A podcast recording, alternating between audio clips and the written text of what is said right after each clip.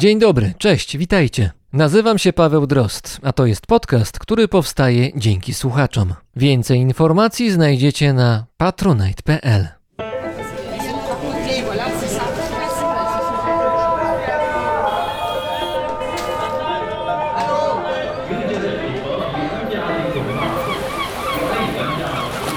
Brzmienie świata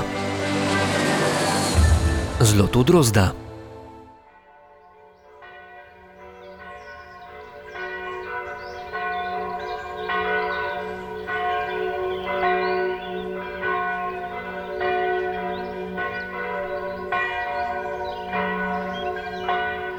Katedra świętego Bawona wyniośle górowała nad miastem.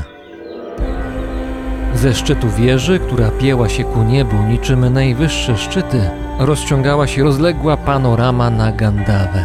Niderlandy niewiele miały miejsc tak wspaniałych. W szkołach pod okiem znakomitych nauczycieli wykuwane były elity kraju. Mieszczanie, szybko mnożący swoje majątki, mogli oglądać wyszukane spektakle i przedstawienia, a artyści znajdywali tu oczekiwane przez siebie uznanie. Był rok 1566. Plac przed katedrą sprawiał wrażenie opustoszałego. Gdyby wykonywano akurat wyrok na kolejnych kalwińskich heretykach, których ostatnio nie brakowało, płonący stos na pewno przyciągnąłby tłum gapiów, ale tego dnia żaden z odstępców prawdziwej wiary nie był wysyłany do Stwórcy. W pewnej chwili z uliczek prowadzących na katedralny plac zaczęli napływać ludzie. Fala rosła z każdą chwilą. Od ścian kamienic oraz od samej katedry świętego Bawona odbijały się głosy. Trudno było zrozumieć poszczególne słowa, jednak zawarta w nich emocja nie pozostawiała złudzeń. Gniew. Plac zaczął się wypełniać. Ludzie, pokrzykując, kierowali się do głównego wejścia katedry. Wielu miało w rękach pałki, niektórzy siekiery i liny. Widać było wśród nich ludzi majętnych, jak i tych, którzy w życiu mieli mniej szczęścia, a jednak szli razem, napędzani jednym celem. Tłum wpadł do wnętrza i rozlał się po katedrze. Na głowy posągów zarzucono liny, a chwilę później postaci świętych kościoła z hukiem rozpadały się na posadzce. Siekiery cięły katedralne siedziska, zdobione biblijnymi scenami. Pałki i młoty rozbijały obrazy, które wyszły spod pędzli znakomitych mistrzów. Wkrótce podłoga usiana była odłamkami drewna, marmuru i szkła. Nikt nie był w stanie powstrzymać tego festiwalu zniszczenia. Poza katedrą świadkami tych scen byli biskup i jego przyboczni.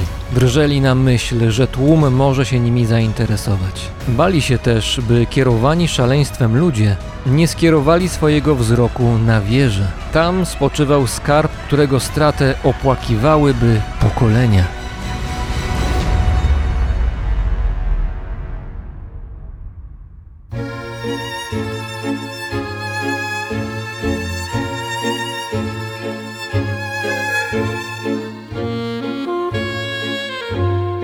Motywacja stojąca za kradzieżą cennych obrazów wydaje się oczywista. Złodziej po wykonaniu zadania zamierza sprzedać swój łup i tym samym znacząco zasilić stan swojego portfela. Łatwiej jednak powiedzieć niż zrobić. Jeśli obraz jest cenny, musi być też znany, a więc potencjalni kupcy doskonale zdają sobie sprawę z tego, że negocjują ze złodziejami, a transakcja jest wysoce ryzykowna. Poza tym, gdyby doszli ze złodziejami do porozumienia, powieszenie obrazu w salonie nie wchodziłoby w grę. Jego obecność zostałaby natychmiast zauważona przez postronnych i wkrótce na miejscu pojawiliby się stróże prawa, a wraz z nimi kłopoty. Z konsekwencjami takiej sytuacji spotkał się choćby Vincenzo Perugia. W 1911 roku wykradł z Louvru Mona Lizę Leonarda da Vinci tamtym czasie obraz był stosunkowo mało znany szerokiej publiczności, lecz kradzieżą bardzo zainteresowały się media. Liczne publikacje, najpierw w prasie francuskiej, a później w innych krajach, zapewniły obrazowi znaczny rozgłos. Vincenzo Perugia przez ponad dwa lata nie znalazł kupca, aż w końcu zaproponował przekazanie Monalizy do włoskiego muzeum, co, jak twierdził złodziej, miało być powrotem dzieła do ojczyzny jego twórcy, Leonarda da Vinci. Domniemany włoski patriota został zatrzymany, a obraz zwrócono do Louvru, gdzie do dzisiaj, w dużej mierze dzięki wspomnianej kradzieży, cieszy się wielką popularnością.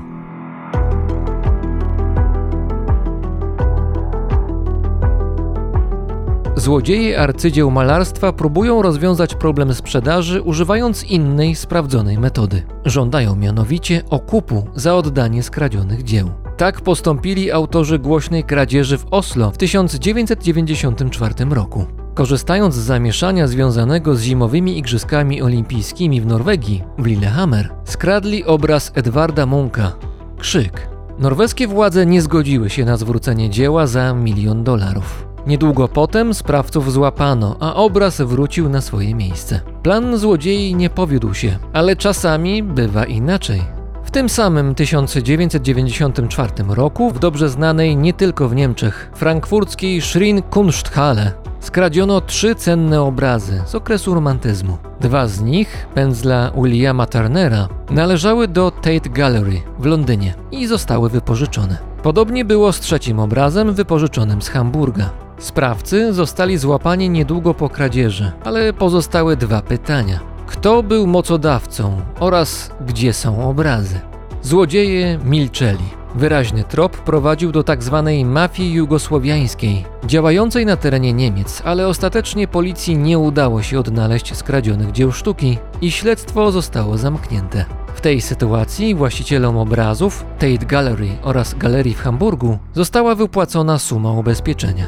W przypadku Tate było to 12 milionów funtów za każdy obraz. Wypłata oznaczała, że prawo własności do skradzionych obrazów przeszło na firmy ubezpieczeniowe. Tate Gallery, która straciła dwa dzieła, zaproponowała jednak inne rozwiązanie. Za 8 milionów funtów chciała wykupić od ubezpieczycieli prawo własności, a jeśli obrazy zostaną kiedyś odzyskane, staną się znów częścią majątku galerii. Obie strony doszły do porozumienia. Galeria Tate w Londynie nie zamierzała czekać z założonymi rękami. W Niemczech, w porozumieniu ze Scotland Yardem i być może niemiecką policją, wynajęto Edgara Libruka. Był to doświadczony prawnik, mający wielu klientów spośród niemieckiego półświadka. Korzystając ze swoich kontaktów, Libruk dotarł do ludzi, którzy mieli być w posiadaniu dwóch obrazów należących do Tate. Ustalono cenę za każdy z nich. 5 milionów marek niemieckich, czyli w przybliżeniu ponad 2 miliony funtów. Transakcja zakończyła się sukcesem i pierwszy z obrazów wrócił do Londynu w 2000 roku. Odzyskanie drugiego arcydzieła było możliwe dwa lata później, a wypłacona złodziejom kwota była podobna do tej za pierwszym razem. Tate wypłaciło jeszcze honorarium pośrednikowi, Edgarowi Librukowi, a kradzież okazała się dla londyńskiej galerii bardzo dochodowym zdarzeniem. Instytucja zarobiła ponad 16 milionów funtów. Po doniesieniach prasy na temat szczegółów operacji odzyskania obrazów, Tate Gallery zaprzeczyło, jakoby zapłaciło okup, twierdząc, że pieniądze zostały wydane, by zdobyć niezbędne informacje. Trzeci skradziony obraz, ten należący do galerii w Hamburgu, został zwrócony w 2003 roku na tej samej zasadzie jak dwa poprzednie, choć jak się przypuszcza za kwotę jedynie 250 tysięcy euro. Po odzyskaniu obrazu galeria w Hamburgu musiała oddać ubezpieczycielowi całą wypłaconą wcześniej sumę ubezpieczenia. A złodzieje, pomijając bezpośrednich wykonawców kradzieży we Frankfurcie, do dzisiaj nie zostali postawieni przed sądem.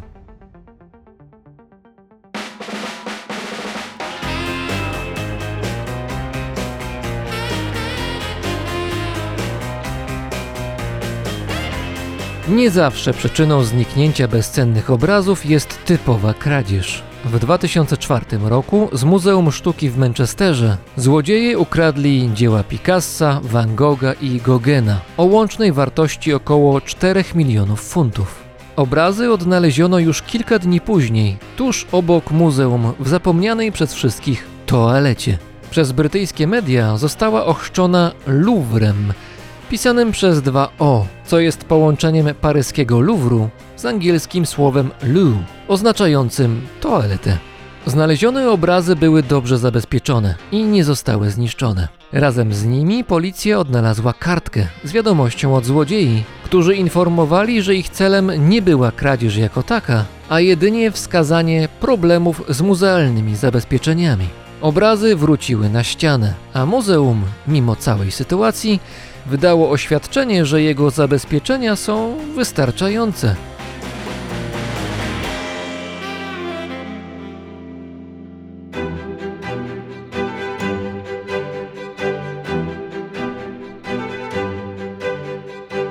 W Gandawie, obecnie w granicach Belgii, stoi katedra świętego Bawona. To jedna z najstarszych świątyń katolickich w tej części Europy. Wewnątrz znajduje się dzieło znane jako ołtarz gandawski lub inna nazwa adoracja mistycznego baranka. Rzecz powstała w XV wieku za sprawą braci Huberta i Jana Ajków. Na dwunastu tablicach artyści umieścili wizerunki Boga, Maryi, Jana Chrzciciela, Adama i Ewy, aniołów oraz kilka scen zbiorowych. To arcydzieło sztuki gotyckiej, słynące z niebywałego bogactwa w szczegóły, wielokrotnie było bliskie zniknięcia z annałów historii. Gandawa była świadkiem niejednej wojny i niejednego pożaru. Ołtarz braci Ajków wielokrotnie był przenoszony za zgodą lub bez zgody władz kościelnych. W wyniku rewolucji francuskiej znalazł się w Paryżu. W latach dwudziestych XIX wieku był w Berlinie, gdzie pojawił się ponownie w czasie I wojny światowej. Interesował się nim nawet sam Adolf Hitler. Znacznie wcześniej, bo w 1566 roku ołtarz gandawski o włos uniknął całkowitego zniszczenia przez ikonoklastów. Byli to zwolennicy reformacji i kalwinizmu, którzy sprzeciwiali się też brutalności inkwizycji. Podobnie do innych części Europy, również tutaj ikonoklaści przeprowadzili rodzaj buntu. Wszelkie wyobrażenia Boga czy świętych w formie rzeźby lub obrazów uznawali za świętokradcze, dlatego postanowili je zlikwidować. Podczas trwającej ponad miesiąc rewolty niszczyli w kościołach katolickich dzieła sztuki z ich punktu widzenia nieprawomyślne. Odwiedzili też katedrę w Gandawie. Sytuację przewidziała gandawska kuria i krótko przed wybuchem rewolty ukryła ołtarz gandawski na kościelnej wieży, gdzie ikonoklaści nie dotarli. Arcydzieło przetrwało w całości aż do 1934 roku, gdy zainteresował się nim złodziej. Ukradł dwie z dwunastu tablic słynnego ołtarza. Poszukiwania sprawcy były zaskakująco niedbałe. Policja nie zabezpieczyła odpowiednio śladów, a śledztwo nie przyniosło żadnych rezultatów, mimo że wkrótce po kradzieży biskup Gandawy otrzymał żądanie okupu, opiewające na milion franków belgijskich. Negocjacje, podjęte przez belgijski rząd, trwały do października 1934 roku i odbywały się przy pomocy listów. W tym czasie, chcąc pokazać dobrą wolę, złodziej zwrócił jedną z dwóch skradzionych tablic. Krótko potem tajemniczy sprawca zamilkł. Kilka miesięcy później na policję zgłasza się pewien prawnik. Twierdzi, że w listopadzie 1934 roku był świadkiem śmierci Arsena Godetiera.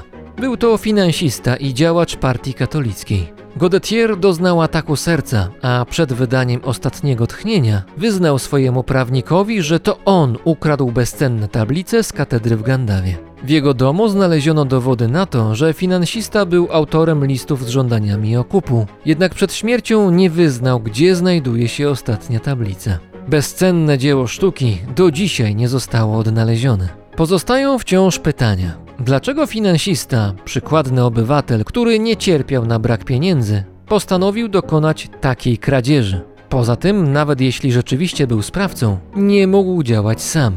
Ołtarz gandawski znajdował się na dużej wysokości i jedna tylko osoba nie mogłaby poradzić sobie z tym zadaniem. Tym bardziej, że Arsène Godetier nie był typem wysportowanego siłacza, miał już swoje lata i ze względu na wadę wzroku w nocy był niemal niewidomy. Dlaczego ktoś taki, do tego przywiązany do swojej wiary, głęboko wierzący katolik, miałby działać na szkodę Kościoła?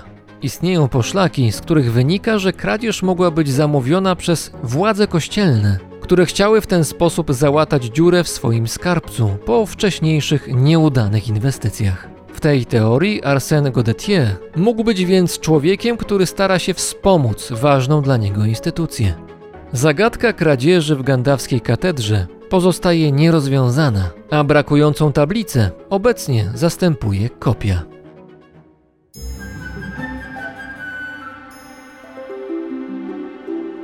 W grudniu 2009 roku, w czasie Świąt Bożego Narodzenia, Görgej Barki, węgierski historyk sztuki, zasiadł ze swoją kilkuletnią córką przed telewizorem. Mieli obejrzeć film, który powstał dekadę wcześniej, ale wciąż był dobrym wyborem dla rodzinnego oglądania. Stuart Malutki. We'd like to introduce you to someone. This is Stuart.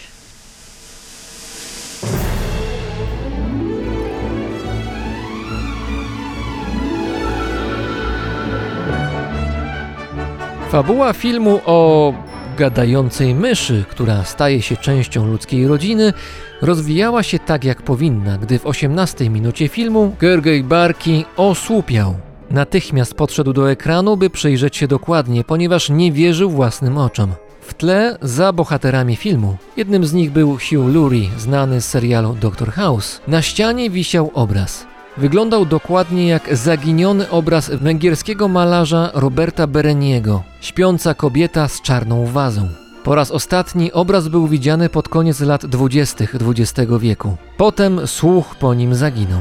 Gergej Barki natychmiast spróbował skontaktować się z kimkolwiek, kto brał udział w produkcji filmu Stuart Malutki. Łatwo nie było. Odpowiedź dostał dwa lata później. Okazało się, że obraz wybitnego węgierskiego malarza został kupiony jako filmowy rekwizyt do filmu Stuart Malutki w zwykłym amerykańskim antykwariacie za niedużą kwotę. Zainteresowała się nim jedna z asystentek filmowych, która później chciała go odkupić. Najpierw jednak należało poczekać kilka lat, ponieważ obraz był też rekwizytem w pewnym serialu.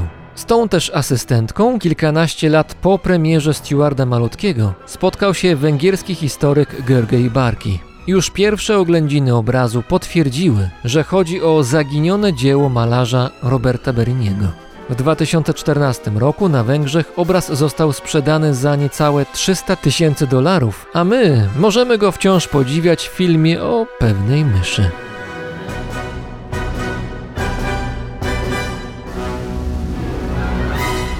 Kradzieże obrazów i generalnie dzieł sztuki odbywają się nie tylko ze szkodą dla muzeów, galerii czy prywatnych kolekcji. Czasem okradane są kraje jako takie, przy czym złodzieje aktywni są szczególnie wtedy, gdy dane państwo mierzy się z głębokim kryzysem. Tak było w Polsce w czasie II wojny światowej. Tak było też w Kambodży w czasie rządów czerwonych Khmerów, kiedy poza granice państwa wywieziono tysiące wielowiekowych dzieł sztuki. Wiele z nich trafiło potem do Europy i Stanów Zjednoczonych. Są dowody na to, że niektóre kmerskie artefakty, prezentowane dziś w największych muzeach na świecie, wcześniej zostały skradzione.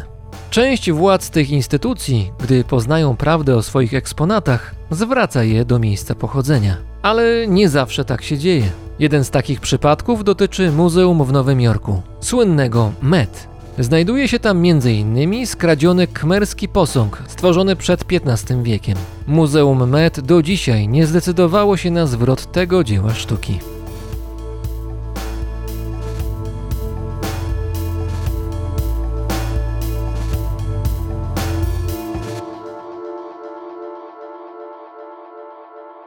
Tym odcinku będziemy w Kambodży, gdzie historia, zarówno ta niedawna, jak i ta odległa, realnie wpływa na mieszkańców kraju. "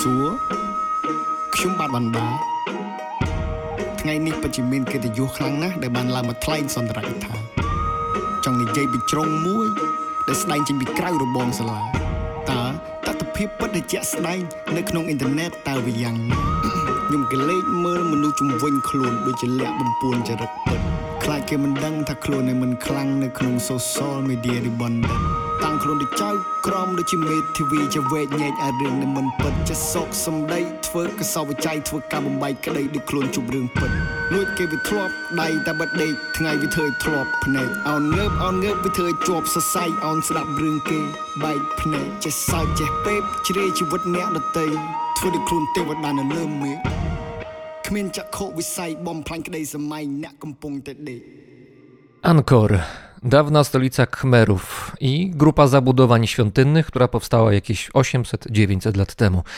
Khmerskie imperium istniało do XV wieku naszej ery, a wspomniana stolica była ogromna. Liczyła być może nawet milion mieszkańców. Dla porównania, w tym samym czasie w Paryżu mieszkało znacznie mniej niż 200 tysięcy ludzi. Angkor należy do najpopularniejszych atrakcji turystycznych w regionie. Przed pandemią co roku odwiedzało to miejsce blisko 2,5 miliona turystów. W zeszłym roku jedynie 290 tysięcy ludzi, ale tendencja jest rosnąca. Ilu z tych turystów zadaje sobie pytanie, dlaczego architektoniczny skarb Kambodży nie został zniszczony przez rewolucję Czerwonych Kmerów raptem 50 lat temu? Razem z nami jest teraz sinolog wietnamista, znawca współczesnej Kambodży, wykładowca na Uniwersytecie SWPS, czyli Jacek Świercz. Dzień dobry panu. A dzień dobry Państwu, dzień dobry Panu. Ile razy był pan w Angkor? Jest pan w stanie to jakoś zliczyć? A nie liczę, nie liczę, tak się złożyło, że nie liczę. No jestem jedną z nielicznych osób w Polsce, która od 1988 roku regularnie do Kambodży jeździ. Pewnie znamy zdjęcia, budowle świątynne, buddyjskie, chociaż z proweniencją hinduistyczną. Co to jest za miejsce? Może też na dzień dobry chciałbym powiedzieć, jak gdyby uniknąć błędu, który się bardzo często powtarza w wielu książkach, zresztą nie tylko w publikacjach polskich, ale i zagranicznych, kiedy to Angkor nazywany jest Angkor Wat. I jest tam w Angkor Wacie, o Angkor Wacie, prawda? Wat po kmersku znaczy świątynia. Po kmersku Angkor Wat to jest jedna ze świątyń Angkoru. A samo Angkor znaczy po khmersku stolica. I poprawną nazwą jest Angkor, kompleks Angkoru. To jest ogromny teren, kilkuset kilometrów kwadratowych, dosłownie z setkami, jeśli nie tysiącami budowli, na którym w okresie od 802 naszej ery do 1431 roku naszej ery znajdowało się wiele kolejnych kmerskich stolic, stolic Imperium Kmerskiego. Natomiast Angkor Wat to jest no, chyba najpiękniejsza, najważniejsza, najczęściej fotografowana świątynia Angkoru. To jest to miejsce, które najczęściej na zdjęciach To się jest pojawia. to miejsce, które jest najczęściej pokazywane. Świątynia poświęcona Suryawarmanowi II z tymi wspaniałymi pięcioma wieżami w kształcie kwiatów lotosu. To jest tylko oczywiście wielka, imponująca, ale jedna ze świątyń. Natomiast mówimy Angkor, mówimy Imperium Angkoru, tak samo jak Imperium Khmerskie. Świątynia buddyjska, ale też hinduistyczna. To są świątynie na terenie Angkoru częściowo buddyjskie, częściowo hinduistyczne. Oczywiście najpierw były w ogóle jakieś wierzenia animistyczne, ale pierwszą religią był hinduizm i na przykład jeszcze powiedzmy te wcześniejsze świątynie są hinduistyczne. Natomiast później władcy Angkoru przyjęli buddyzm. Bardzo często tam jakieś elementy buddyjskie, jakieś posągi są dostawiane do tych dawnych świątyń hinduistycznych. To wszystko razem to jest taki kompleks, znowu tak jak to w Azji, prawda, eklektyzm religijny, z tym, że ludzie, którzy teraz Kmerzy przychodzą do Angkoru zwiedzać, odwiedzać, traktują te obiekty jako obiekty kultu religijnego buddyjskiego. No i mamy Angkor, mamy świątynie buddyjskie i hinduistyczne, mamy przeszłość z XV wieku i mamy czerwonych kmerów, którzy się pojawiają w latach 70. XX wieku. Przetacza się rewolucja czerwonych kmerów przez kraj. Niszczone są wtedy świątynie i buddyjskie, i chrześcijańskie, no wszelkie znaki tego, co było, bo teraz oto ma nowy nadejść, lepszy. Jak to się stało, że Angkor przetrwał? To jest chyba bardzo prozaiczna sprawa, Rewolucja Czerwonych Khmerów, sam pomysł tej godziny zero, a tak naprawdę to no, takie dogłębne zrealizowanie rewolucji kulturalnej w Chinach, bo to przecież Czerwoni Khmerzy i Pol Pot wzorowali się na Mao Tse-tungu i na Bardziej tym, radykalni się, prawda, byli. byli bardziej radykalni, plus dodatkowo oczywiście mieli bardziej sprzyjające warunki w postaci mniejszego kraju i mniejszej liczby ludności. Łatwiej było to kontrolować.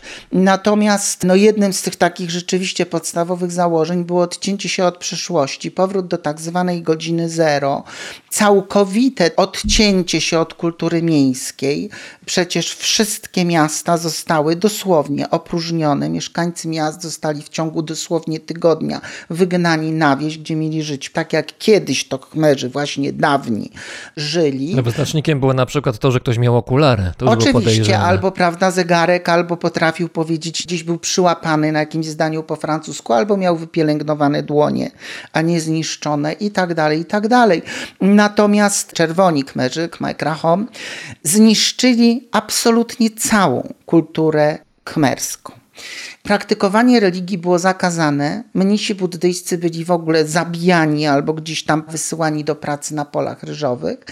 I oprócz kompleksu Ankoru i kompleksu Pałacu Królewskiego w Phnom Penh, wszystkie zabytki kultury kmerskiej zostały dosłownie kompletnie zniszczone.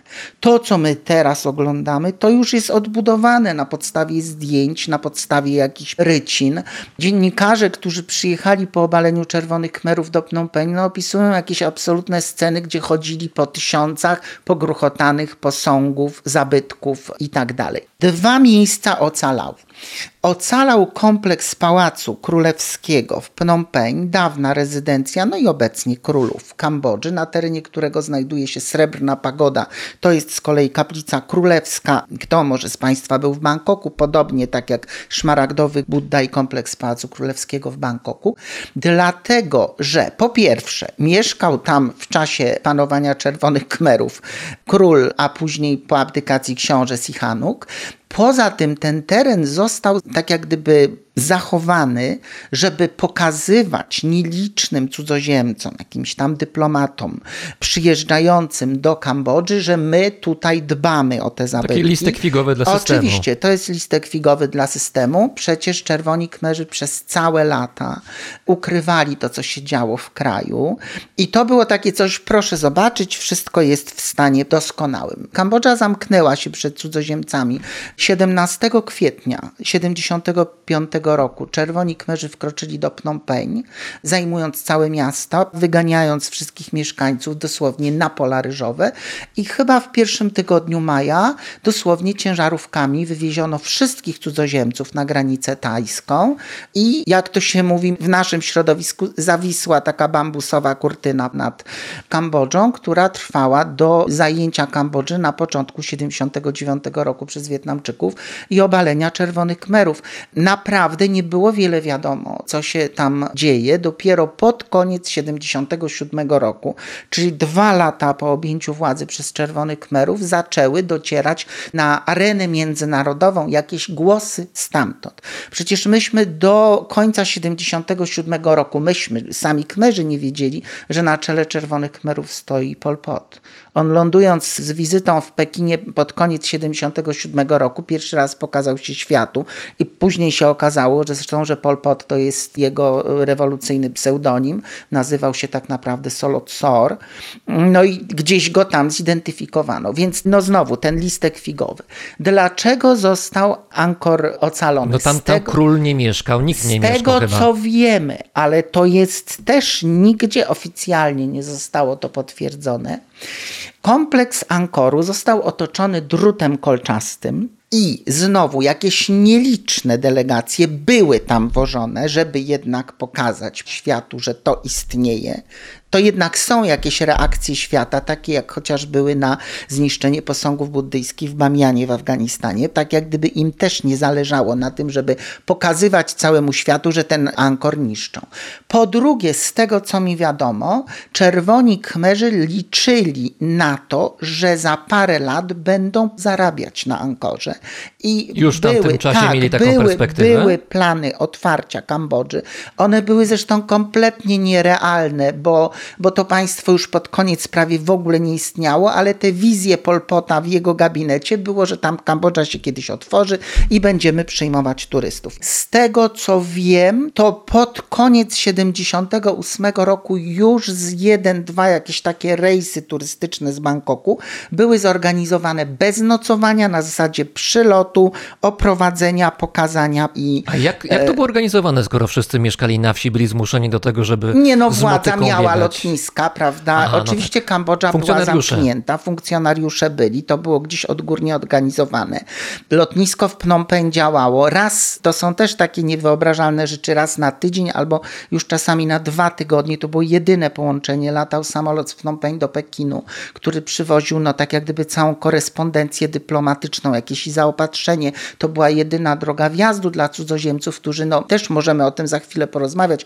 Jakieś tam niedobitki były i to też do końca znowu nie jest tak, że cały świat nie wiedział, co tam się w tej Kambodży działo. W każdym bądź razie były to też takie względy, wydaje mi się, ekonomiczne. Tak przynajmniej w różnych wspomnieniach niektórzy Kmerzy mówią. A trzecia rzecz jest taka, że jednak nie bez powodu Angkor był na wszystkich i jest flagach kambodżańskich, również na fladze Czerwonych Khmerów. Dlatego, że Imperium Angkoru osiągnęło tak wspaniały rozwój i doszło do takiej potęgi dzięki systemowi kanałów nawadniających i uprawy ryżu. To były olbrzymie tereny, tak jak pan mówił, Angkor miał prawdopodobnie ponad milion ludności, a mógł jak gdyby się wyżywić dzięki temu, że wokół były już na modłę chińską zorganizowane kanały nawadniające. To musiała być niebywale wielka to infrastruktura nie wokół tego. niesamowita, absolutnie niesamowita infrastruktura. To cała zachodnia Kambodża to było jedno pole ryżowe. Zresztą pozostałości tych kanałów do tej pory gdzieś tam jakimiś cudownymi metodami pod ziemią gdzieś są jeszcze nawet lokalizowane, że to właśnie tam było. Dzięki temu oni mogli wyżywić tych wszystkich ludzi. Do końca nie wiemy, jak to się stało, że ten Angkor tak wyparował. W każdym razie podupadł, pomijając już inwazję Tajów, która się przyczyniła do upadku, to było między innymi to, że właśnie była malaria na tych polach, że była susza, że być może kanały nawadniające powysychały. No, Tam jest taka teoria, że Angkor był ofiarą zmian klimatycznych, tylko w innych Bardzo czasach. możliwe i to są w ogóle przedziwne teorie, też mało mamy czasu, ale to jest tak. My o Ankorze tak naprawdę nic nie wiemy. Dlatego, że Ale to nie były zamierzchłe czasy. No, Angkor to znaczy całe królestwo Tak, Imperium ale Khmerów zakończyło się w XV inaczej, wieku. To nie jest tak inaczej dawno. funkcjonowało. Mianowicie to było wspaniałe imperium i Angkor opustoszał po najeździe Tajów w 1431 roku, którzy zresztą nie zniszczyli miasta, tylko zgodnie z tradycją Azji Południowo-Wschodniej złupili i co tylko się nadawało, łącznie z dworem królewskim, architektami, muzykantami, zabrali do siebie, Łącznie do z Tajlandii ludźmi. i z ludźmi. Tak się robiło w Azji Południowo-Wschodniej. Birmańczycy później, jak najechali na Tajlandię, zrobili dokładnie to samo, co zresztą sprawiło, że Azja jest właśnie w tej chwili takim amalgamatem kultur. Model europejski wydaje się mniej racjonalny w tym momencie, Tak. bo to złupić, zabić, zabrać ewentualnie Absolutnie. kosztowności i wszystko do Powiedzmy, spalonej ziemi. Birmańczycy najeżdżając Tajlandię zniszczyli stolicę Tajów Ajutaje, ale wszystko, co było, zabrali na swój dwór, który tak naprawdę znowu w pewnym momencie stał się dworem birmańsko-tajskim. Tak samo było z Angkorem, co zresztą miało tak jak gdyby bardzo pozytywne później reperkusje, dlatego że Angkor został zapomniany. Angkor leży w zachodniej Kambodży, naprawdę w środku dżungli. Stolica później została przeniesiona do dzisiejszego zresztą Phnom Penh na południowy wschód kraju i sami Khmerzy zapomnieli o Angkorze. To są też trochę inne czasy. Nie było dróg, nie było mostów, dżungle. Po opuszczeniu Angkoru cały okres historii Kambodży od XV do XIX wieku to w angielskich książkach jest określane jako Dark Ages. Jedna wielka pustka, jedna wielka wojna między Khmerami a Wietnamczykami, Tajami. Całkiem inny świat. To nie jest tak, że Angkor został w 100% opuszczony, ale jak gdyby stracił łączność z pozostałą częścią kraju. Oczywiście my już wiemy, że tam jacyś wcześniejsi podróżnicy, Portugalczycy byli. Oni już ten Angkor gdzieś tam widzieli w XV czy w XVI wieku, ale dopiero w XIX wieku Henri Muo, przyrodnik, który tam zresztą no, właśnie gdzieś się zaplątał w tę dżunglę jak zobaczył tę obrośniętą tropikalną dżunglą pozostałości świątyń, no to wpadł zachwyt, a dodatkowo on był świetnym rysownikiem i dzięki jego szkicom i obrazom Zachód dowiedział się o Ankorze, ale tak naprawdę dowiedzieli się również sami Kmerzy. Później w okresach ciężkich, czy kolonializmu francuskiego, czy jakichś tych wojen, a nawet właśnie wojny później już domowej i rewolucji, to był taki symbol, coś w rodzaju Polak potrafi, prawda? Khmer potrafi. Co prawda teraz jest tak ciężko, ale jaką wspaniałą cywilizację stworzyliśmy, jakie bogactwo, To było tak budynki. wielkie, że nie, mo- nie mogło upaść, To można jest, powiedzieć, no, z bankami o, trochę. Oczywiście, to też jest tak, że Angkor upadał tak jak upadały. No, ale legenda, jego symbolika tak, była tak bardzo ważna. specyficznie to wszystko było za duże. Jakieś są teorie, że nie wiem, była straszna susza na podstawie słoi drzew w sekwojach kalifornijskich. No nie wiemy, nie wiemy. Przecież informacji przepływ był wtedy całkiem inny. I Pol Pot i Czerwoni Kmerzy, oni wykorzystywali Angkor właśnie też do tego, żeby pokazać, że jeżeli my potrafiliśmy zbudować taki Angkor i takie kanały nawadniające, to przecież zbudujemy nową Kambodżę i nowe kanały nawadniające teraz i będziemy produkować miliardy i tryliardy ton ryżu i będziemy potęgą. Więc to też do czegoś ten Angkor był im potrzebny. I tak jak gdyby to była jedyna rzecz z przeszłości, to jest też śmieszne, bo jak powrót do godziny zero, to dlaczego raptem Angkor z królem Bogiem i takimi, ale no tak to bywa. Zatrzymajmy się teraz przy Czerwonych Kmerach. Rządzili od 1975 do 79. Dla kraju to była katastrofa. Rewolucja kierowana przez Salotsara, no, czyli Pol Pota, tak jak go znamy głównie, w ciągu kilku lat doprowadziła do tego, że 2 miliony ludzi mniej więcej przeszło do lepszego ze światów. Jedna czwarta populacji kraju, więc to naprawdę duża zmiana była i duży cios dla państwa. No i pewnie każdy wtedy stracił kogoś bliskiego i z całą pewnością współcześnie, obecnie w XXI wieku żyją wciąż ludzie, którzy albo byli świadkami tamtych wydarzeń, albo właśnie mieli kogoś bliskiego, kto odszedł, kto został po prostu zabity. Zarówno ofiary, jak i sprawcy są wśród nas, są w Kambodży, jakoś żyją. Może zanim powiemy o czasach jak najbardziej współczesnych, to porozmawiajmy o tym, co się działo w latach 80. Przyjeżdżają Wietnamczycy, wygrali z Amerykanami, Amerykanie się wycofują, Wietnamczycy najeżdżają pod koniec 79 roku Kambodżę, Pol Pot ucieka, Czerwoni Kmerzy upadają i co się dzieje dalej? Czy zaczyna być jakiś rodzaj początku rozliczenia, jakiegoś resetu, czy jest chaos, który nie prowadzi do niczego? Sytuacja była bardzo skomplikowana. Tak jak pan wspomniał, Czerwoni Kmerzy rządzili od 75 do 79 roku. Steroryzowali rzeczywiście cały kraj. My do końca nie wiemy i naprawdę, no, jestem jedną z nielicznych osób w Polsce, które powiedzmy na bieżąco są z całą literaturą, z tym, co tam się dzieje w badaniach o czerwonych kmerach. My tak naprawdę do końca nie wiemy, dlaczego ci czerwoni kmerzy upadli. To znaczy, rewolucja oczywiście zjadła własne dzieci.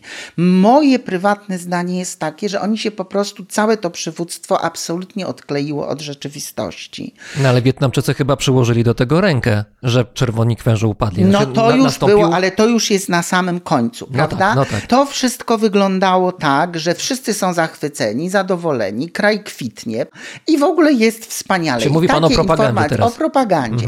Ta propaganda, którą sieli, ta rewolucja kulturalna zabiła później samą rewolucję, bo do tego kierownictwa już nie docierały informacje o rzeczywistej sytuacji, że ludzie umierają z głodu, że produkcja jest na poziomie zerowym. Armia tak samo, też mamy jakieś tam odnośniki do armii rosyjskiej, że jest wspaniała armia, no i że kraj kwitnie i się rozwija. W rzeczywistości była to kompletna katastrofa. Rewolucja zjadła własne dzieci. W pewnym momencie nakręciło się zresztą ludobójstwo, właściwie niewytłumaczalne. Na dodatek bardzo często skierowane w kierunku kadry czerwonokmerskiej. Bo to, że zabijano ludzi, że pracowali na tych polach ryżowych, to jest jedna sprawa. Ale oni się zabijali między sobą. To już był kompletny syndrom jednego wielkiego spisku. Kambodża, która właściwie z nikim nie utrzymywała, poza tam powiedzmy Chinami, Koreą Północną, paroma jeszcze krajami stosunków dyplomatycznych, był taki moment, że trzeba było mianować dwóch czy trzech ambasadorów i w całym tym rządzie i kadrze nie było dwóch czy trzech osób, których oni mogliby wysłać i obsadzić jednoosobowo placówkę. A rewolucja potrzebuje wrogów. Jeżeli coś się złego działo, to Pol Pot na swoje nieszczęście wymyślił wroga w jakimś sensie odwiecznego, Wietnamczyków. Zawsze były animozje kmersko-wietnamskie przez całe lata. Ale Kambodża- jednocześnie trzeba pamiętać, że Wietnam to był Wietnam komunistyczny, zjednoczony już po wyjściu y, Amerykanów. Oczywiście. W 1975 roku zwyciężyli zarówno Czerwoni Kmerzy w Kambodży, jak i Wietkong, czyli Wietnam komunistyczny, zajął Saigon. Powstała Socjalistyczna Republika Wietnamu. Przecież przez całe lata, jeszcze oficjalnie, to były w ogóle więzi braterstwa i No przyjaźni. właśnie. Trzy kraje Indochin, Laos, Wietnam, Kambodża. To nie do końca tak wyglądały kulisy tego wszystkiego i rzeczywiście można powiedzieć, że przez całe lata pod egidą Komunistycznej Partii Indochin Wietnam miał tendencję do tego, żeby być hegemonem w tym związku trzech państw Wietnamu, Laosu i Kambodży. Natomiast do tego doszły jeszcze animozje historyczne. Przez całe lata Kambodża była właśnie w okresie tych Dark Ages po upadku Imperium Angkoru zależna albo od Tajlandii, albo od Wietnamu. Szczególnie w XIX, można by powiedzieć, była wietnamizowana, traktowana no, prawie że pod okupacją wietnamską. Można w jakimś sensie powiedzieć, że gdyby Francuzi nie zajęli w XIX wieku Kambodży, a zajęli też na zasadzie, że władca w jakimś sensie ich poprosił, o to, żeby wspierać jego w walce właśnie z Tajlandią i z Wietnamczykami. Francuzi przecież się pojawili w Indochinach, bo szukali drogi do Chin, a wypatrzyli ją w Mekongu, to prawdopodobnie Kambodża by w ogóle przestała istnieć, gdyby nie Francuzi. I znowu w jakimś sensie taka sytuacja się powtórzyła w 78 i 9 roku. Pol Pot musiał znaleźć jakiegoś wroga. Za tego wroga obrał sobie komunistyczny, zresztą socjalistyczny Wietnam dawnych przyjaciół. No kogoś trzeba było. Oczywiście oskarżając o wszystkie tam historyczne próby podporządkowania Kambodży, no w ogóle wszystko, wszystko najgorsze, to Pol Pot rozpoczął ataki na Wietnam. W 77, a na dużą skalę w 78 roku. Przez całe lata, szczególnie właśnie środki przekazu komunistyczne, czyli wietnamskie, ale również rosyjskie, czy radzieckie, polskie, nasze tutaj czechosłowackie i inne, w ogóle na ten temat nie mówiły, bo po raz pierwszy doszło do takiego konfliktu na świecie między dwoma komunistycznymi państwami. Bratnimi narodami. Bratnimi narodami, trzy bratnie narody Indochin. Pamiętajmy, że Chiny wspierały Czerwonych Khmerów, Wietnam znalazł się w wyniku też bardzo skomplikowanej sytuacji w sferze wpływów Moskwy. I tak naprawdę to już później doszło znowu do sytuacji, kiedy rywalizowały ze sobą Chiny i Związek Radziecki, a jeszcze Ameryka w tle całej tej przecież nie tak dawno zakończonej wojny wietnamskiej czy wojny amerykańskiej. Pol Pot się kompletnie przeliczył. Jego armia była w ogóle, mówię, na papierze, natomiast Wietnam po zakończonej dopiero co, czyli tam trzy lata wcześniej wojnie z Amerykanami, dysponował no, świetnie zorganizowaną, świetnie wyposażoną armią, na dodatek tak jak gdyby obeznaną w praktykach wojennych. I Wietnamczycy po tych licznych atakach, mordowaniu Wietnamczyków, paleniu wietnamskich wsi w tych okolicznych prowincjach, no i No normalnie w ogóle w. Wietnamczycy byli na celowniku Czerwonych Khmerów na terytorium Kambodży, bo tam przecież była duża mniejszość wietnamska, prawda? Tak, ale to w mniejszym stopniu zadecydowało. Natomiast oczywiście jestem pewien, że w wyniku też ustaleń z Moskwą, przecież Wietnam był członkiem Rady Wzajemnej Pomocy Gospodarczej, podjęto decyzję o inwazji na Kambodżę. No, naprawdę nie mogli sobie na to pozwolić. Plus dochodziła jednak cała ta doktryna właśnie Federacji Indochińskiej pod parasolem Wietnamu, żebyśmy o tym nie zapominali, bo mieli też chrapkę na Laos, mieli chrapkę na Kambodżę.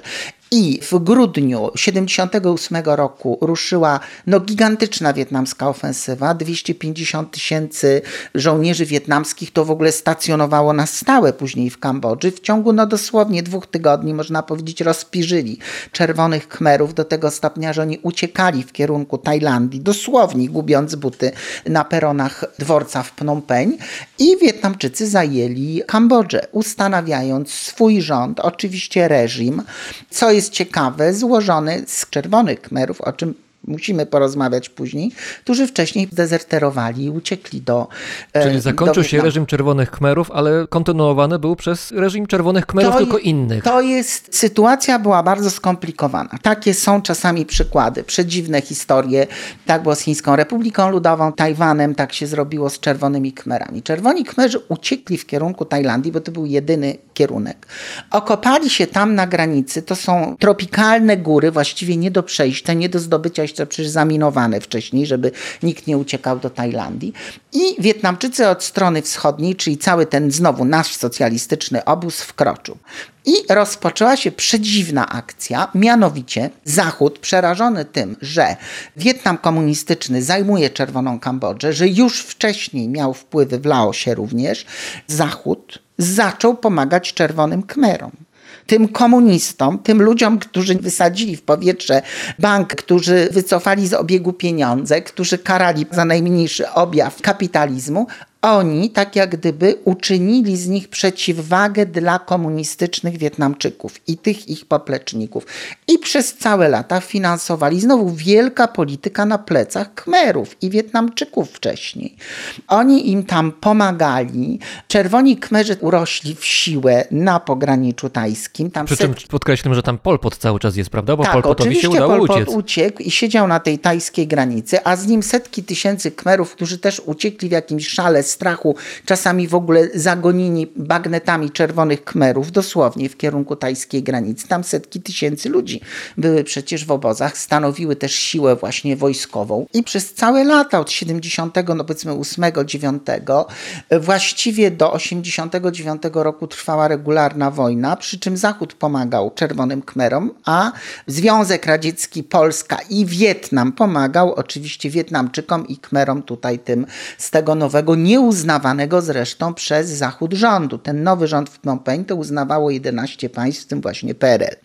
Doszło do absolutnie koszmarnej sytuacji z punktu widzenia praw człowieka, kiedy miejsce w Organizacji Narodów Zjednoczonych cały czas zajmowali czerwoni Kmerzy, prawda? Ci, którzy byli odpowiedzialni za rewolucję odpowiedzialni i za za, za rewolucję, za ludobójstwo. dwa miliony śmierci w Kambodży i raptem, nie wiem, minister spraw zagranicznych tego rządu Ying Sari występował jako jego ekscelencja na mównicy Organizacji Narodów Zjednoczonych i mówił o straszliwej wietnamskiej inwazji. Oni zresztą zastosowali taką teorię, żeby zrzucić wszystkie, bo później to się już nie dało.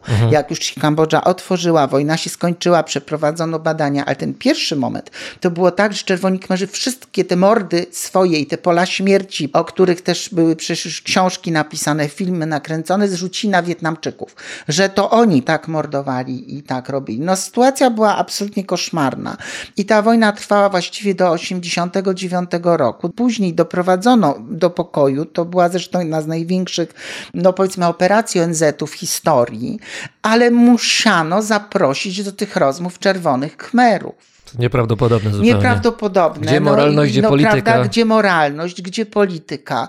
Ale to była silna armia, a tu z drugiej strony nastąpiła taka sytuacja, że w Związku Radzieckim zrobiła się pierestrojka, pojawił się Gorbaczow, który powiedział, że nie będzie pieniędzy dawał na Wietnam i na armię wietnamską. Z tego, co się mówiło, dzienne utrzymanie armii wietnamskiej w Kambodży to było 250 milionów dolarów. Dzienne. A Wietnam został obłożony dzikimi dosłownie sankcjami. Znowu, to jest trochę podobne do tej Ukrainy w tej chwili. Wielka polityka, gdzie te narody bardzo często nie mają nic do powiedzenia. Ja tylko bym jedną rzecz chciał, bo cały czas na tapecie było coś, z czym ja się osobiście zgadzam, że obce państwo nie ma prawa zaatakować drugiego kraju, że to można rozwiązywać dyplomatycznie. Fakt faktem, że Wietnamczycy zaatakowali Kambodżę, weszli na ten teren, zajęli całą Kambodżę. To też jest takie kmerskie powiedzenie, że co innego komuś udzielić schronienia, a co innego go gościć na jedną noc, a co innego go gościć później przez dwa lata w swoim własnym domu. Wietnamczycy tam zostali na długie, długie lata, ale i to nie jest też tak, że jestem wietnamistą. W jakimś sensie trzeba ich rozgrzeszyć. Oczywiście mieli swoje polityczne cele, czyli zajęcie Kambodży, prawda, strefa wpływów RWPG. Ale rzeczywiście to Khmerzy byli najeźdźcami. To jest jedna rzecz. Oni musieli bronić swojego Że Kmerzy terytorium. atakowali Wietnam wcześniej. Czerwoni Kmerzy. To jest pierwsza rzecz. Więc oni musieli coś z tym fantem zrobić. Ale taka druga, najważniejsza rzecz jest taka, i to myślę, że mogę powiedzieć, gdyby Wietnamczycy w 1979 roku nie wkroczyli do Kambodży, Pol Pot by wymordował cały ten naród. Kambodży by po prostu nie było. To teraz przenieśmy się do roku 1988-9, kiedy kończy się wojna pomiędzy Wietnamem a Czerwonymi Kmerami. I co następuje potem? No, trochę czasu już minęło, minęła dekada, ale Czerwoni Kmerzy, przynajmniej część z nich, są wciąż w grze. Koalicji. Są w koalicji, y, rządzą dalej krajem, który y, doprowadzili do ruiny. I co na to normalni obywatele? Jak, jak to się odbywa w kontekście społecznym? Nie interesuje mnie teraz może polityka, tylko co się dzieje z ludźmi normalnymi? Jak można przejść do porządku dziennego po takiej katastrofie? Ja wiem, że to jest pytanie natury ogólnej, ale może zacznijmy od ogółu do szczegółu. To znaczy, może jeszcze na chwilkę o polityce, więc została przez ONZ stworzona koalicja wszystkich sił. I Czerwonych Kmerów, i rządów Phnom Wszyscy Penh, i stole. wszystkich, i króla obalonego Norodoma Sejhanuka, Który wcześniej chyba do Chin uciekł, e, prawda? który Stamtąd był rządził. cały czas na emigracji. To jest też bardzo ciekawa postać w historii Kambodży. No, No mnie ciekawie razie bardziej jego syn, ale to później może. Została stworzona bardzo szeroka koalicja i tylko takie coś gwarantowało przeprowadzenie wielkiej operacji wyborów, prawda? To były lata 90., 91, konferencja paryska, zresztą Polacy nadzorowali, bardzo dużo Polaków było, wojska, które nadzorowało przecież przeprowadzanie Z ramienia ONZ. z ramienia ONZ-u tych wyborów. I można powiedzieć, że udało się zakończyć wojnę. No i został utworzony taki rząd koalicyjny. Została znowu powołana do życia monarchia. To zresztą w Kambodży zawsze tak było od tysiącleci. Taka instytucja Devaradży, króla Boga, który spajał, prawda, to wszystko. Więc Sihanu, który rzeczywiście przyczynił się do wszystkich tych rozmów pokojowych, został ponownie koronowany na króla Kambodży, a na dole mieliśmy ten rząd koalicyjny. I co jest bardzo ważne, część w tym rządzie stanowili czerwoni kmerzy, którzy dosyć szybko zostali odstawieni na boczny tor. Druga część to byli właśnie rojaliści związani z e, królem Sihanukiem, a trzecia część no to jest ten rządzący w Phnom Penh prowietnamski rząd, na którego czele już od dłuższego czasu stał obecny zresztą też premier i władca Kambodży Hun Sen. Ludzie się zgodzili, bo mieli już po prostu wszystkiego dosyć. Zresztą mam wrażenie, że takiego kmerskiego narodu za bardzo nikt nie pytał, co tam ma być. Ten porządek został zaprowadzony przez społeczność międzynarodową w imię ogólnej sytuacji i tak jak gdyby międzynarodowej. No ta Kambodża była tykającą bombą. A czy już prawda? wtedy jakoś z ramienia ONZ chociażby powstawały jakieś pomysły, czy kwestia rozliczenia, czy spojrzenia w przeszłość, czy, czy To o tym znaczy, się już to mówiło się wtedy? pojawiało już w momencie, kiedy Wietnamczycy wkroczyli do, prawda, w 79 roku do Phnom Penh, kiedy odkryto masowe groby, jakieś straszliwe więzienia, no kiedy przede wszystkim ludzie zaczęli opowiadać swoje historie. Tylko tu mamy znowu taką sytuację niefajną. Mianowicie Kambodża nie utrzymywała stosunków dyplomata, żyjąca, realna z Zachodem. W Phnom Penh, jak byłem w 88 roku, mój pierwszy wyjazd, to tam było 10 ambasad. Były organizacje międzynarodowe, które pomagały w walce z biedą i głodem, ale tego oficjalnego uznania i pomocy nie było. To, był, to była straszna kula u nogi i to się dopiero zaczęło już po tych rozmowach, prawda, pokojowych po 1991 roku. I stosunek społeczeństwa to dotyczy całej Azji Dalekiej. Zasady zasada jest zawsze taka, że tak jak gdyby gdzieś u góry jest król, czy jest władca, czy jest ośrodek władzy, a człowiek, społeczeństwo nie ma nic do gadania oprócz pracy, pracowania na tę władzę. To są tak zwane społeczeństwa hydrauliczne, zjednoczone ze sobą, pracujące wspólnie na polach ryżowych, bardzo kolektywne. W ogóle w tradycjach i konfucjańskich, i buddyjskich to wynika z różnych względów filozofii. Ludzie w ogóle nie interesowali się tym, kto nad nimi jest. No jeszcze w tej biedzie, nędzy i wojnie to najważniejsza była miska ryżu, prawda?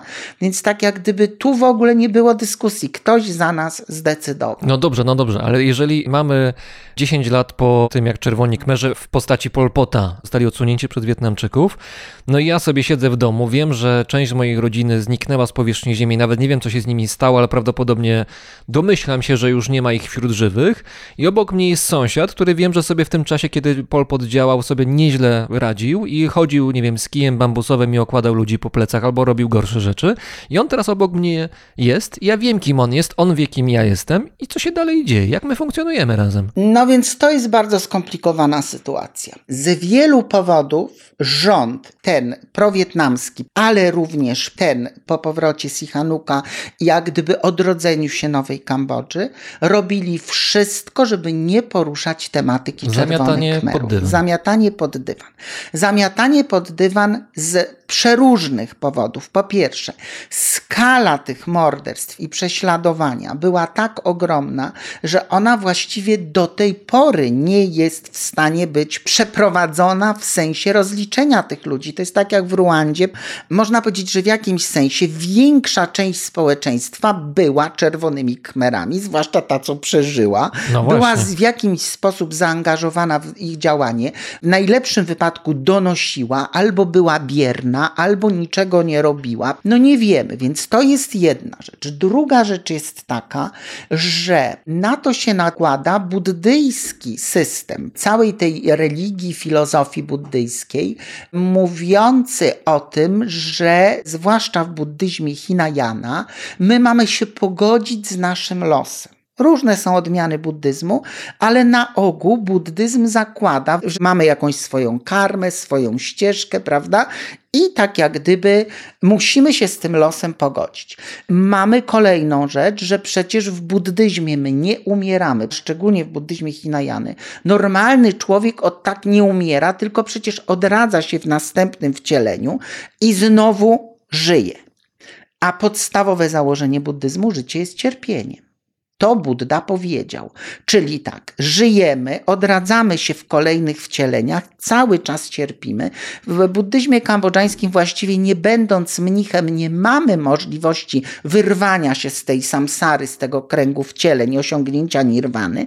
To też sprawiło, że Khmerzy tak jak gdyby podeszli do tego z buddyjskiego punktu widzenia. I mnie się zdarzyło parę razy usłyszeć w Kambodży takie stwierdzenie, co myśmy w poprzednich wcieleniach jako naród zrobili złego, że spotkało nas w następnym wcieleniu coś tak strasznego.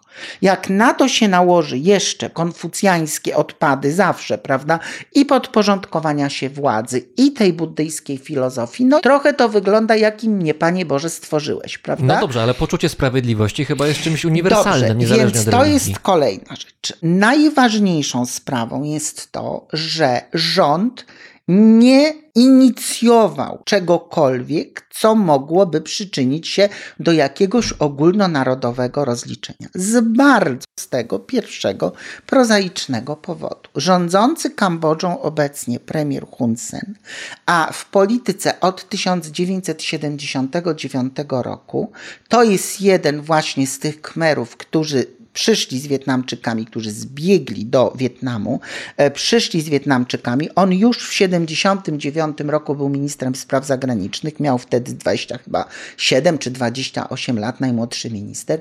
To jest były Czerwony Khmer. I on przez całe lata był w ruchu, prawda, partyzanckim, czerwonokmerskim. Był dowódcą jakiejś tam całej jednostki, nie wiem, pancernej czy wojskowej we wschodniej Kambodży. I oczywiście w tej chwili oficjalna wersja jest taka, że jak zobaczył te straszne rzeczy, to uciekł do Kambodży, do Wietnamu, prawda? I tam ujrzał twarz prawdziwego Boga i się nawrócił. Natomiast jak to wygląda, nie wiadomo. Prawdą jest to, że żeby zostać dowódcą jakiejś jednostki, to trzeba było się poważnie zapewne zasłużyć dla Czerwonych Khmerów.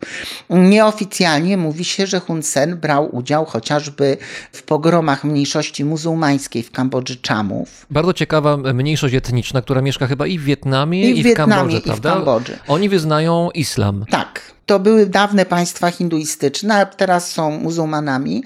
Oni już właściwie nie istnieją. W Wietnamie, tak jak gdyby przez Wietnamczyków zostali kompletnie wyparci. Na południe i gdzieś tam się rozproszyli. Ja mówię, ja pracuję jako pilot wycieczek również, nie tylko na uniwersytecie, więc jeździmy, zwiedzamy ruiny, na przykład stolic Champy, dawnej Champy Mission.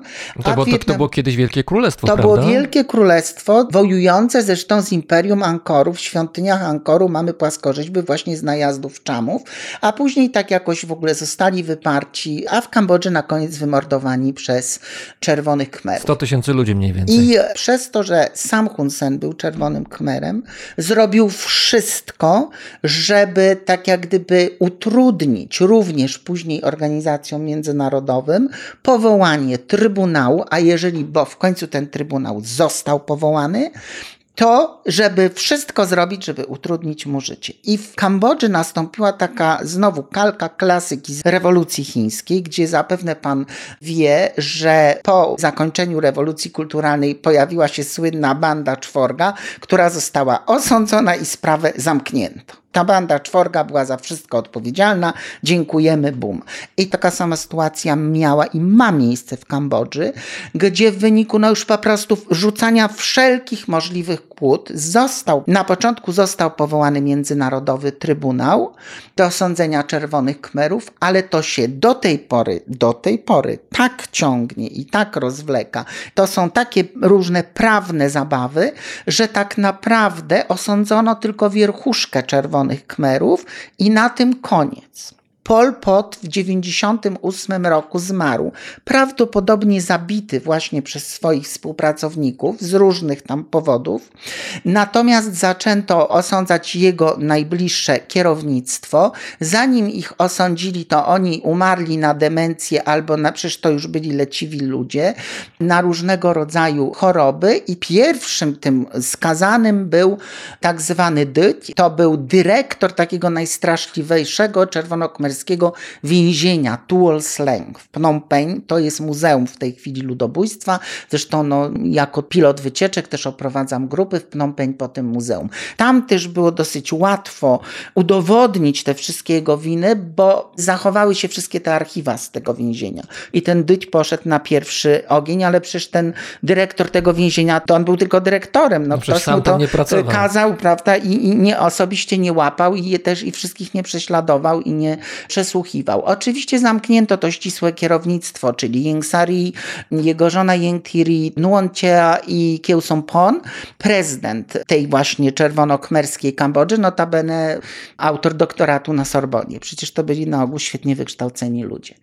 A pozostałe sprawy utkwiły po prostu w szczerym polu i nic, absolutnie nic zapowiada, żeby to ruszyło z biegu. Druga rzecz jest taka, że Organizacja Narodów Zjednoczonych nalegała na Kambodżę i dosłownie to też wiemy, żeby jak najmniej poruszać tematykę czerwonokmerską, jeżeli ci czerwoni kmerzy byli w koalicji. To też jest ciekawa historia, że przez całe lata w Kambodży dzieci już po kilkunastu latach od klęski Czerwonych Khmerów w ogóle był zakaz nauczania czegokolwiek o Czerwonych Khmerach. Historia Kambodży kończyła się na 75 roku. To tak jakby u nas się kończyła na 45 albo Tak, na początku 39, PRL-u. mniej więcej, prawda? I później nastąpił dopiero po latach taki przełom. To są, wie pan, jakieś drobiazgi. Właśnie mówię, został powołany taki Instytut Badania tych Zbrodni właśnie e, czerwonokmerskich, ale jako komórka Yale, Uniwersytetu Yale. I wyszło mnóstwo książek o historii Kambodży, o historii ruchu rewolucyjnego, o Czerwonych Kmerach. To były wszystkie książki książki napisane przez cudzoziemców i taka sytuacja pozostaje do dziś. I raptem w 2007 roku, to był przełom, ja zresztą tę książkę mam, jej pierwsze wydanie, została wydana taka pierwsza książka pod tytułem właśnie Historia demokratycznej Kambodży, czyli historia tych czerwonych Khmerów napisana przez właśnie pracownika Centrum Badania Zbrodni, Hambo Lee on się nazywa.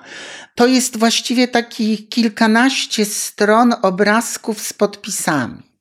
To nawet nie jest żaden podręcznik, to jest taki albumik do obejrzenia w 15 minut. Ale to była pierwsza książka w 2007 roku. Obaleni byli w 79, kiedy uczniowie kmerscy dostali coś, co mówiło o tym okresie. I chyba do tej pory miliony tej książki wydrukowano, to jest jedyny podręcznik. Ja jako turysta mogę pojechać sobie do Kambodży i zobaczyć Angkor, oczywiście pozachwycać się. Kiedyś z wielkimi tłumami, teraz troszkę lżej, bo pandemia Tak przeczyściła pewne sytuacje. Wracają, wracają. Wracają turyści, no i też Kambodżanie się cieszą, dlatego że no, można wreszcie zarabiać na turystyce, która jest y, głównym filarem kambodżańskiej gospodarki. No ale właśnie, oprócz Ankoru jad- jadę sobie na przykład do takiego więzienia, zobaczyć to więzienie. Mogę sobie pojechać na grup Polpota, jest normalnie, funkcjonuje i tam pewnie jeszcze oprowadzają ludzie, którzy są związani z nim. y, Kto wie, czy nawet nie ściskali mu ręki wcześniej. A trzeba pamiętać to, że w rządzie, jak sam pan powiedział, czerwony kmer stoi na czele. Dochodzi do jakiegoś przedziwnego paradoksu, że czerwoni kmerzy, współodpowiedzialni za to, co się Wiecznie żywi. wydarzyło, wiecznie żywi, dbają o to, żeby turystyka, również ta związana z przeszłością kmerską, normalnie kwitła. Coś przedziwnego zupełnie. No jest to przedziwna sytuacja, nie do końca zrozumiała. Ja z własnych doświadczeń mówię, chociażby Wietnamu, wojny wietnamskiej i Kambodży, mogę powiedzieć tylko jedno. I to jest jakaś narodowa cecha Kambodżan, Wietnamczyków, nie tylko. W Azji się nie mówi o przeszłości. W Azji się mówi o przyszłości. A ja bym powiedział właśnie, że w Azji Wschodniej się jest niezwykle zanurzonym w przeszłości i do pewnego stopnia się żyje. To nią. jest zanurzenie To i paradoks. człapanie w tym, ale o tym się nie mówi. Taki niesamowity dysonans, czyli powiedzmy przylatujesz do Wietnamu, no ja poleciałam na studia w 87 roku, ale w ogóle się o tej wojnie nie mówiło, w ogóle, jednym słowem. Do tej pory w Kambodży nie rozmawia się o czerwonych Khmerach. Nie i już, nie rozmawia się. To po części wynika z tego, że wielu z tych ludzi było czerwonymi Khmerami. Mając wielu znajomych i będąc, no nie wiem, kilkadziesiąt razy w Kambodży, rozmowy wyglądają zawsze tak samo. A co robiłeś w czasach czerwonych Khmerów? Pracowałem na polu ryżowym. Koniec dyskusji. I już przecież nie będziemy pogłębiać tego tematu, bo oni rzeczywiście wszyscy pracowali, ci tam, prawda, co ich pilnowali, może trochę w mniejszym zakresie. Nie ma w ogóle takiej rozmowy. No to jest fatalne, to jest nieprzepracowana przeszłość, nierozwiązane problemy, które znowu tłumione w społeczeństwie gdzieś tam wyskakują. My do końca nie wiemy, jak też wyglądają takie powiedzmy relacje w takich małych wsiach, miejscowościach. Bo na ogół mam znajomych w dużych miastach, gdzie no jednak łatwiej być incognito, prawda, jakoś się odseparować i tak dalej, ale nie rozmawia się o tym i już. I ja też tak jak gdyby patrzę, jaka może być skala tych problemów, które są zamiecione pod dywan. Teraz miałem właśnie zajęcia ze studentami o wojnie wietnamskiej i rozmawialiśmy, że w wojnach wietnamskich zginęło 58 tysięcy Amerykanów i półtora miliona Wietnamczyków. Taka jest skala. I przecież wszyscy wiemy, jaką traumę powojenną ci żołnierze amerykańscy przywieźli do Stanów. Ile filmów na ten Jak to temat, prawda, kraj. powołało, jak to zmieniło sytuację w kraju i ludzi. I to dotyczy, mówię, Kambodży, ale to dotyczy Indochin, Wietnamu, Laosu, tych trzech krajów. Bo Proszę pamiętać, że w tej wojnie wietnamskiej były uwikłane Nie trzy kraje, Wietnam, Wietnam. Laos i Kambodża. A tam przecież i Czerwoni Kmerzy, i Wietkong, i Patet Lao robili tak samo straszne rzeczy jak żołnierze amerykańscy. To nie jest tak, że byli źli Amerykanie i dobrzy komuniści. Nie zrobiono nic dla dla tych ludzi, nie zapewniono im jakiejkolwiek pomocy psychologicznej. Ja nie wiem, w Kambodży to z 10 psychiatrów do tej pory będzie, prawda? Zostawiono ich samych z traumami ludobójstwa, prześladowań, głodu, morderstw, działań wojennych. W najlepszym wypadku, jeżeli był zasłużony, dostał przysłowiowy medal z kartofla, uścisk dłoni i do widzenia, radź sobie sam. W Kambodży sytuacja jest absolutnie straszna w tej chwili, dlatego że Hun Sen jest absolutnym władcą, władcą Kambodży. Król nie ma nic do No powiedzenia. ale właśnie, mamy króla przecież cały czas. W ogóle powiedzmy trochę o tej postaci, bo to jest syn tego króla, który musiał uciekać, celować Tak. się ucieczką do Chin. Obecny król... Absolutny figurant. No dobrze, ale zatrzymajmy się na tej postaci. Już kiedyś w Brzmieniu Świata była o nim mowa, ale przypomnijmy, bo dla mnie to jest fascynujący człowiek, w związku Ale z tym, że to ten jest obecny, ten jego... obecny, człowiek sztuki, wykształcony chyba w balecie, chyba tak. czeski zna, bo w Czechosłowacji Zna- tak, on- się on- on- wychował. Niesamowita postać zupełnie. Wie pan, to jest bardzo skomplikowana sytuacja i tutaj więcej na pewno uwagi trzeba by było poświęcić ojcu obecnego króla. Za moich czasów to jeszcze był książę Norodom Sihanouk, tak naprawdę król, bo on abdykował, żeby rządzić. To była naprawdę bardzo ważna postać. Proszę pamiętać, że Khmerzy, podobnie jak i Tajowie, traktują króla jednak jako Boga. Do tej pory w Tajlandii. Natomiast w Kambodży, no to rzeczywiście był król nasz książę ojczulek, Devaraja i poprzedni władca Kambodży cieszył się ogromnym, ogromnym uznaniem. Sihanouk? Takim, tak, Norodom Sihanouk, boskim. Jest taka książka o Sihanouku, Prince of Darkness, Prince of Light. Ta osoba miała swoje czarne strony jasne strony. Zrobił bardzo dużo dobrego dla Kambodży i bardzo dużo złego. To był jak gdyby pierwszy przywódca kambodżański. Ale co zrobił złego? W momencie, kiedy z różnych bardzo skomplikowanych przyczyn został obalony, wsparł publicznie Czerwonych Khmerów. On był na emigracji, on wyjechał gdzieś tam na leczenie do Francji. Został obalony przez proamerykański reżim, też z powodu, prawda, tutaj na godziny rozmów. I zaproponowały mu Chiny, że wesprą go w odzyskaniu tronu, że zapewnią mu luksusowe życie w Pekinie dosłownie. Pod jednym warunkiem, że wesprze Czerwonych Khmerów. A Czerwoni Khmerzy to był taki mało nic nieznaczący ruch. Naprawdę to było tam paru panów piszących jakieś gazetki, prawda, z Polpotem na czele. I to, co było najgorsze, czego naprawdę, no ja osobiście można powiedzieć, je- jeżeli mogę powiedzieć, nie jestem w stanie wybaczyć tego Sihanukowi, on po prostu wygłosił takie słynne orędzie do narodu, w którym powiedział, żeby cały naród wstępował do partyzanckiej czerwonokmerskiej, zasilał te oddziały, żeby walczył w imię właśnie, żeby on wrócił na tron i żeby Kambodża Król była nie zdawał sobie sprawy, z kim ma do czynienia. Myślę, że po części nie zdawał sobie sprawy, przynajmniej może jeszcze na tym etapie, a No tak poza tym wizja, gałąź, na wizja, której siedzi. wizja powrotu, prawda, na tron, do wygodnego życia, wizja wygodnego życia na zachodzie i tak dalej, czy tam na zachodzie, wschodzie, przyćmiła mu to. On już później po paru latach opowiadał gdzieś tam właśnie w jakichś słynnych wywiadach, że on zdaje sobie sprawę z tego, że czerwoni kmerzy go wyplują jak pestkę od wiśni po zjedzeniu, ale to też są bardzo skomplikowane sytuacje, wymagające czasami umiejscowienia w ówczesnych realiach politycznych, bo tu godzinami możemy na ten temat rozmawiać. Ale rzeczywiście, no, on to firmował. Oczywiście został odstawiony na boczny tor później, uwięziony, uwięziony w Phnom Penh w areszcie domowym.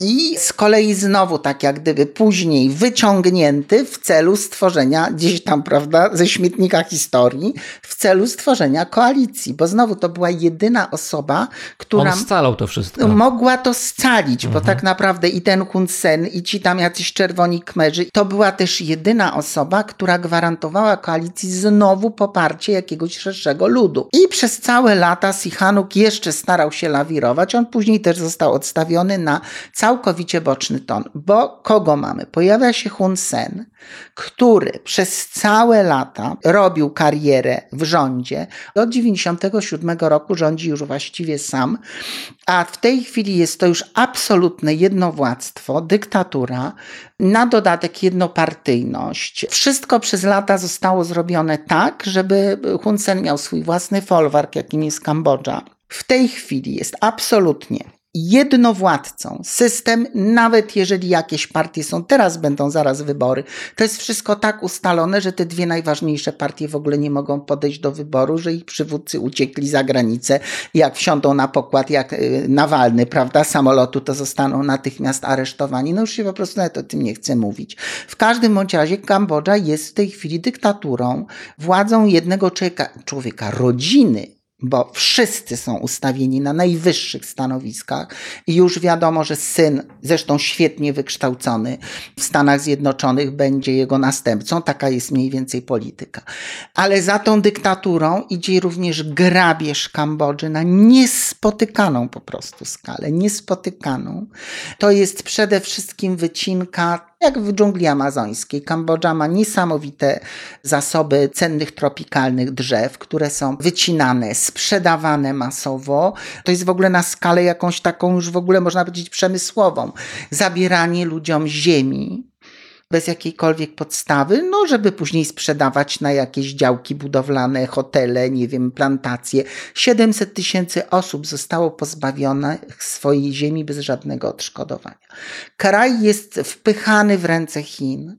Naprawdę, gdyby któregoś dnia Hun Sen wystąpił w telewizji i powiedział, że właśnie sprzedał Kambodżę za milion dolarów i odlatuje do Pernambuco, to ja bym się naprawdę wcale nie zdziwił, bo to już jest taka sytuacja. Trochę zastopował to COVID, w związku z tym, że COVID w ogóle trochę ekspansję chińską. Za, no bo Chińczycy byli zajęci sobą. Mm, dokładnie. Natomiast no, Kambodża jest tak naprawdę sprzedana już Chińczykom i uwikłana w tyle biznesów, łącznie z sprzedażą całych setek kilometrów wybrzeża pod przyszłe bazy. Sihanoukville, Kompong Som, no to jest chińskie miasto z chińskimi hotelami, chińskimi sklepami. Kambodża to jest mały kraj, to jest 18 milionów ludzi. Pozycja Kambodży jest trochę podobna do pozycji Polski. Między Wielkim Wietnamem, Wielką Tajlandią, a teraz jeszcze z góry Chiny, dach zamykają. Tam nigdy nie było jakiegoś wielkiego przemysłu. No właśnie, cała Kambodża się chyba tylko utrzymuje, czy przede wszystkim, czy utrzymywała jeszcze przed pandemią? Z turystyki, z, turystyki, z rolnictwa, z rolnictwa, z turystyki, a cała władza, cała nadbudowa z grabieży tego kraju. Wspaniałe, niesamowite złoża szafirów, rubinów, eksport różnych produktów rolnych, no niesamowite zasoby drzew tropikalnych, odkryte wielkie złoża ropy naftowej. Kambodża zresztą przez całe lata bardzo dobrze zarabiała na produkcji ubrań, butów, wielkie To Bangladesz chyba zdetronizował ten kraj, tak, prawda? Tak, chyba mam w tej chwili koszulkę Made in Cambodia Adidasa, ale nadal część firm ma tam swoje zakłady, z tym, że Hun Sen już tak się zapędził, że parę lat temu zostały liczne sankcje nałożone na Kambodżę. Między innymi właśnie zakaz tam importu jakiejś bawełny, produkcji. Dużo się firm wycofało. Tylko znowu, no to jest taki facet, któremu się wszystko udaje, ten Hun Sen. No niewykształcony. No naprawdę, to są ludzie, nie wiem, oni chyba nawet szkoły podstawowej nie skończyli. No dobrze, a, jaka jest rola króla w tej chwili? No, no, no więc Hamonii. Ten, ten... Kompletnie ceremonialna. Za sekundę, już skończmy tego Hunsena.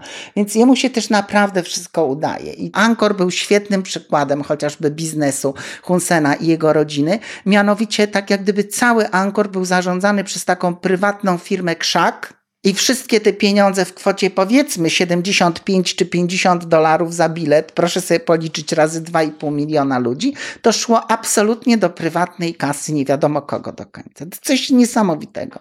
UNESCO, a później z kolei kraje z całego świata i UNESCO były zapraszane do odnawiania świątyń, prawda? No właśnie. I jeszcze wszyscy przecież archeolodzy z radością lecili, bo każdy chciał w CV sobie wpisać, że Angkor odnawiał czy remontował. A miliony dolarów odpływały, cyrk na kółkach. Trochę trochę to UNESCO usprawniło. No w każdym bądź razie to są ludzie niewykształceni. Pieniądze, jakie tam wchodzą w grę, to są miliardy dolarów. To nie są miliony, to są, prawda, dziesiątki miliardów dolarów w pieniądzach, w biznesie.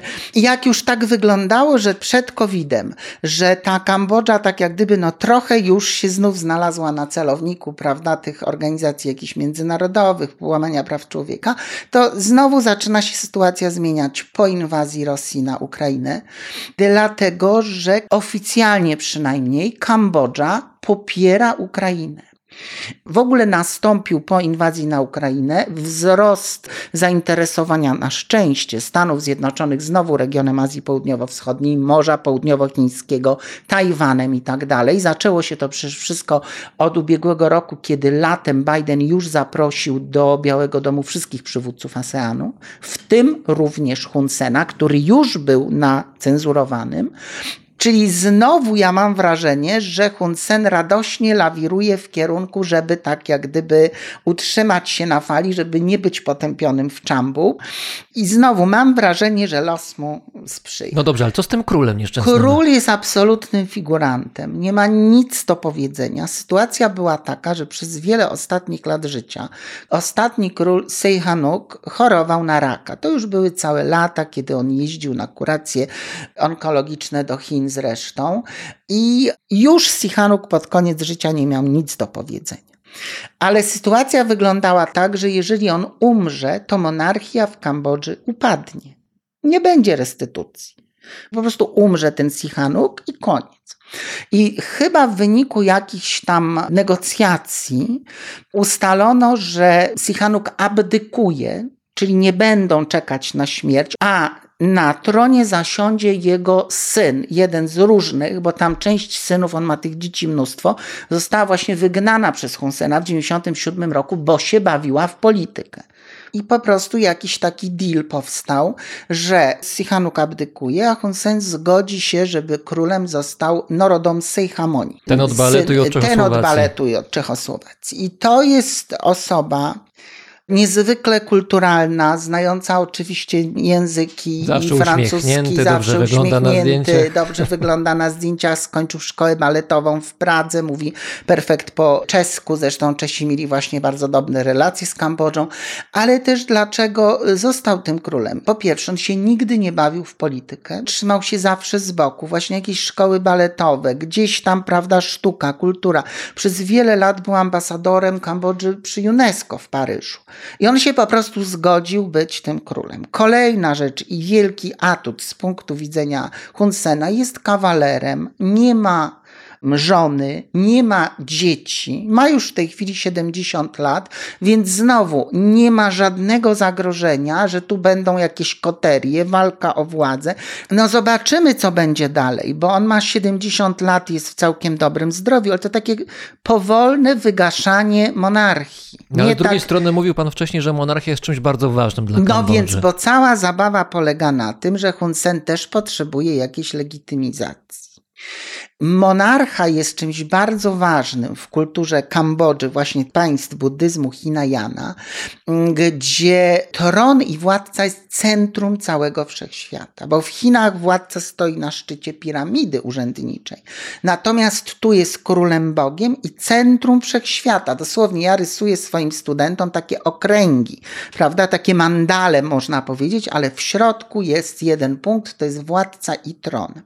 I król jest odpowiedzialny za mnóstwo rytuałów związanych z funkcjonowaniem religii, czyli buddyzmu, królestwa, państwa, wszystkiego razem.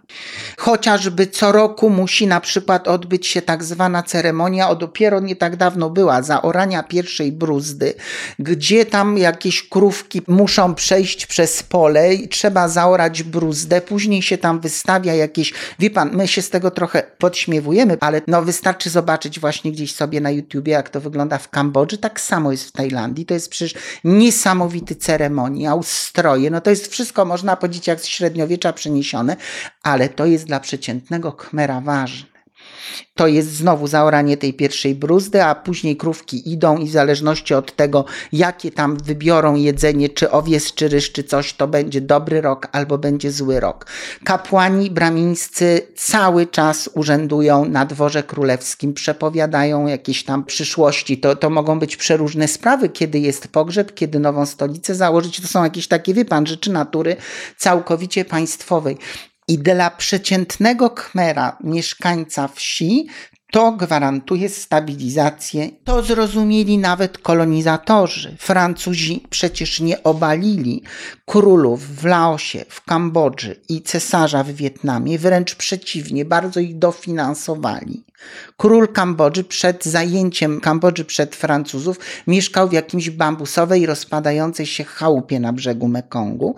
Jak przyszli Francuzi, zbudowali mu zresztą właśnie stojący do tej pory wspaniały pałac. Wyposażyli go w harem i niesamowite pieniądze. Po co? Po to, żeby legitymizował swoim boskim autorytetem ich władzę.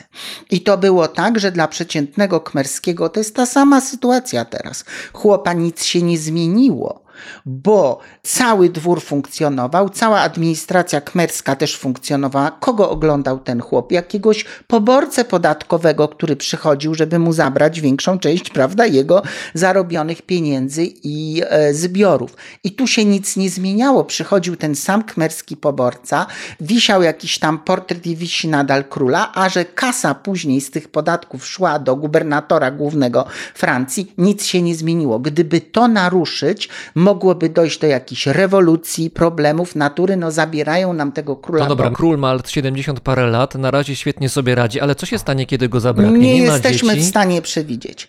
Król siedzi w swoim pałacu i ja myślę, że w jakimś układzie też mu to odpowiada. Jego w tej chwili obowiązki to są dosłownie dwie rzeczy. Odprawianie wszystkich tych rytuałów, chociażby ku śmierci swojego ojca, prawda, nie wiem, składanie jakichś tam darów w świątyniach i przyjmowanie listów uwierzytelniających od ambasadorów albo głów państw w pałacu, ale to przecież też na zasadzie jakiegoś spotkania, prawda, w To role sali. ceremonialne. Absolutnie, nie ma nic do powiedzenia.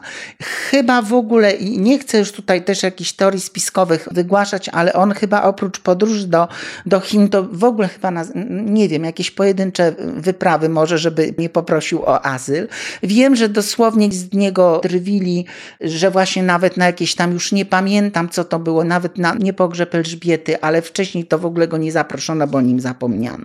Mniej więcej tak to wygląda. Uśmiechnięty, zadowolony, ale jeździ po wsiach, spotyka się z tymi ludźmi, tak jak Sichanuk, którzy go całują po rękach, chodzą na kolanach, no bo taka jest tradycja i to trochę uspokaja społeczeństwo, a Hun Sen robi swoje. No jest niesamowitym populistą, no to, że kupuje wyniki wyborów, dosłownie przyjeżdżając i płacąc po 10 czy 20 czy 50 dolarów swoim wyborcom, to jest jedno. Po drugie oczywiście niesamowita propaganda rządowa. Powiedzmy w tej chwili chyba imię Hun Sena nosi każda szkoła ufundowana w Kambodży, jakby to on z własnej, prawda, kasy fundował. Więc tu jest ten król, prawda, stabilizujący naszą tę sytuację. Obok mamy tego Hun Sena, powiedzmy tego strongmana, który gwarantuje, prawda, że Kambodża jednak no, trzyma się, jest i jeszcze rozdaje pieniądze i buduje szkoły i też jest cudowny i wspaniały i to jakoś tak się toczy. Przeciętny mieszkaniec tej Azji Południowo-Wschodniej przez całe stulecia był tak wyłącznie skoncentrowany na tym, żeby była miska ryżu, że naprawdę nie miał czasu i siły, żeby o czymkolwiek innym myśleć. Do tej pory we wszystkich tych kulturach, z chińską na czele, ale również w Kambodży, w Tajlandii, w Wietnamie, w Laosie, przecież zamiast dzień dobry pyta się, czy pan jadł. Czy pan, czy pani jadła? Odpowiedź jest jadłam albo jadłem. To nie znaczy, że zapytanie będzie, a co jadłeś pięć minut temu? Jadłeś, jadłem. To znaczy dzień dobry, dzień dobry, dobry dzień, bo prawda, brzuch jest pełny. To też o czymś świadczy. Ja z uporem maniaka zapytam jeszcze, co by było, gdyby zabrakło króla, który w tej chwili nam rządzi. Ciężko jest mi powiedzieć, ale no niewątpliwie, mając tego króla, Hun Sen ma na razie jeszcze przez parę lat święty spokój. Ten władca jest tak przezroczysty, że on tak jak gdyby, można powiedzieć, zanika, płowieje z każdym rokiem, ale jednocześnie przyzwyczaja się społeczeństwo do tego, że ten król zanika. Wspomaga go matka, królowa matka, notabene ona jest tylko o 17 lat od niego starsza, bo to przecież jedna z kurtyzan Sichanuka, z którą miał dzieci, prawda? Więc oni dużo razem robią i to ja myślę, że to będzie takie powolne wygaszanie monarchii. Dlatego, że ja w tej chwili nie widzę ani jednej osoby, która w ogóle, tak jak gdyby też biorącej udział w jakimkolwiek życiu królewskim. Jest król i królowa Moniniet, Monika, jego matka, nikogo wokół nich, nawet jeżeli, bo jest ta rodzina, prawda, duża, to ona jest albo na emigracji, no jeżeli ma jakiekolwiek ambicje polityczne, to została już natychmiast z Kambodży, tak jak wszyscy przywódcy opozycji, wyrzucona. Więc oni są dosłownie na tych zdjęciach sami. Na końcu spójrzmy na Kambodżę pańskimi oczami, zostawmy już czerwonych kmerów, pola śmierci, więzienia, wszystkie traumy dawne i obecne. Jakim krajem dla pana jest Kambodża? Wie pan, to też ciężko powiedzieć coś takiego, bo ja mówię, że bardzo często i to moi turyści, których obwożę od kilkudziesięciu lat po Kambodży, mogą potwierdzić, że ja zawsze mówię, że nie ma Kambodży bez Ankoru i nie ma Kambodży bez czerwonych kmerów. To nie jest tak, że polecisz do świątyni, zobaczysz cudowną świątynię, ale do tego więzienia strasznego to ja już nie pójdę, bo nie chcę tego oglądać. To znaczy nic o tym kraju nie wiesz. Z drugiej strony nie można tylko przelecieć szlakiem czerwonych kmerów, prawda, strasznie strasznych mordów więzień i znowu uważać, że tak wygląda Kambodża. To też już minęło od 90, no można powiedzieć trzeciego roku, jak już wróciła monarchia. W Kambodży jest względny spokój. Wyrosły całe pokolenia ludzi, młodych. Kambodża jest młodym narodem, nie pamiętających wojny.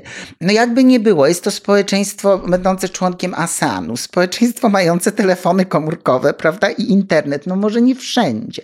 Kambodża Kambodża jest młodym, biednym, to jest, nie wiem, 150 któreś miejsce, jeśli chodzi o dochód narodowy, ale dosyć pogodnym, młodym społeczeństwem. Oczywiście te traumy gdzieś tam w tle są, bo podejrzewam, że te dzieci tych ludzi z traumą i ich wnuki, to idą jakieś takie sprawy w pokolenia.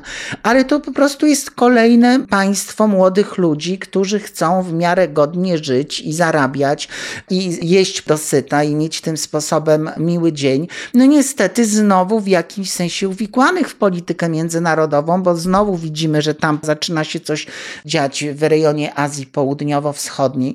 Wie pan, to jest znowu tak, że ja się tymi czerwonymi kmerami zajmuję, mogę o nich godzinami opowiadać, ale jak pan przyjedzie w tej chwili, no, no co, idziemy zjeść, idziemy na zakupy, coś sobie kupić, pogadać, wszyscy się uczą angielskiego na potęgę. Ciężko się żyje w Kambodży, ale ja mam wrażenie, że w Kambodży się po prostu zawsze bardzo ciężko żyło i że ci ludzie tak jak gdyby no przechodzą nad tym do porządku dziennego. Nie rozmawia się o za bardzo skomplikowanym, to co mówiliśmy, naprawdę nie rozmawia się o Polpocie, nie rozmawia się o wojnie, nie rozmawia się w ogóle o polityce bardzo często też z powodu takiego, że może to ci zaszkodzić, prawda? Bo wersja w Kambodży jest w tej chwili taka jak i w Chinach, że właściwie pierwszy raz w historii możesz sobie w miarę dobrze żyć i polepszać swój byt pod warunkiem ręce precz od polityki. No problem jest taki, że ta polityka w każdej chwili może ci wskoczyć na głowę, jak na przykład jesteś właścicielem działeczki, prawda, budowlanej, która się komuś może spodobać. Ale ja mam wrażenie, że żyje się stosunkowo z dnia na dzień, z dużym naciskiem położonym na edukację. To, z czym Pol Pot całe lata swoje tam walczył, co było jakąś ideę fix, czyli właśnie, że miasta są złe, a wieś jest dobra, że miasto to są krwiopijcy. Phnom Penh to jest liczące ponad 2,5 miliona mieszkańców już w tej chwili, wysokościowce jak w Warszawie, wspaniałe, nie wiem, japońskie domy towarowe, sklepy, najlepsze, nie wiem, szkoły, uniwersytety, wszystko wszystko, no, no po prostu metropolia. A wie pan, 500 kilometrów na północ są góry, gdzie żyją Khmajly, to są ci montaniar, plemiona górskie o montaniarstwie. To jest gospodarka żarowa, wypalanie ziemi, nawet żadnej uprawy ryżu, co dżungla da, to mamy. Analfabetyzm też jeszcze. Tam może, no, to akurat Sichanuk zwalczył o bezrobocie ogromne też, prawda? Bo co z tego, że są te szkoły, jak później ci ludzie pracy nie znajdują.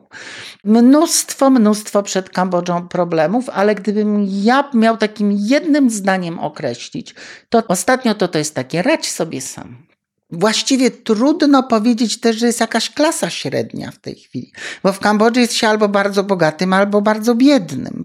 No ja też nie mogę powiedzieć o Kambodży jakoś uogólniać, wie pan, bo to jest taka moja Kambodża, do której jeżdżę, interesuję się od lat 70., jak miałem kilkanaście lat i byłem w szkole podstawowej, jeżdżę regularnie. Wie pan, ja się zawsze śmieję a propos spuentowania, że ludzie jadą na dwa tygodnie do Kambodży i piszą książkę pod tytułem Moja Kambodża, Kambodża moja miłość, Kambodża na rowerze, Kambodża z dzieckiem, Kambodża z psem i z dzieckiem i na rowerze.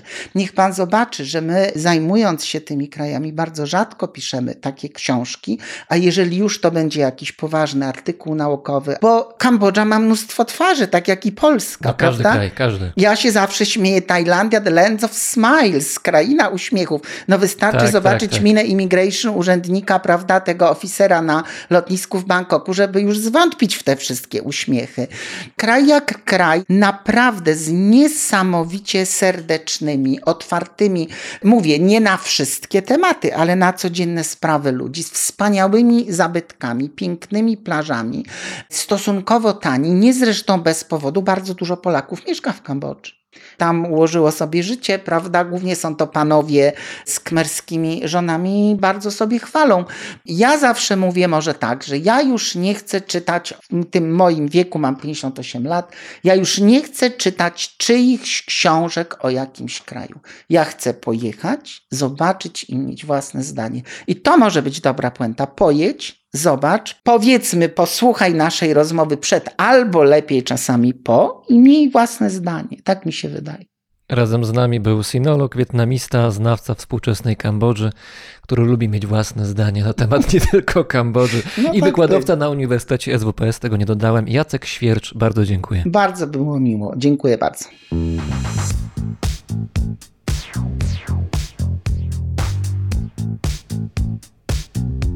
Spitting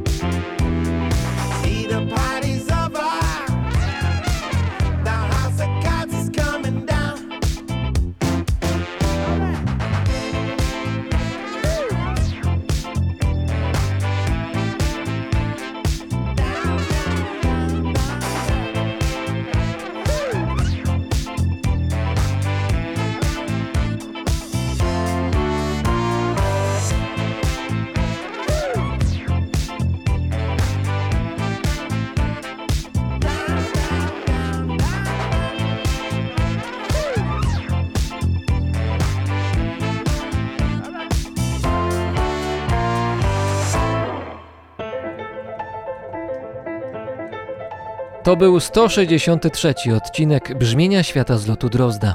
Audycji, która powstaje dzięki słuchaczom. Serdecznie dziękuję wszystkim patronom i patronkom, których hojność jest siłą napędową tego podcastu. Do tego zacnego grona można dołączyć, do czego zachęcam. Wystarczy znaleźć profil Brzmienia Świata na patronite.pl. Dziękuję za każdą wpłatę.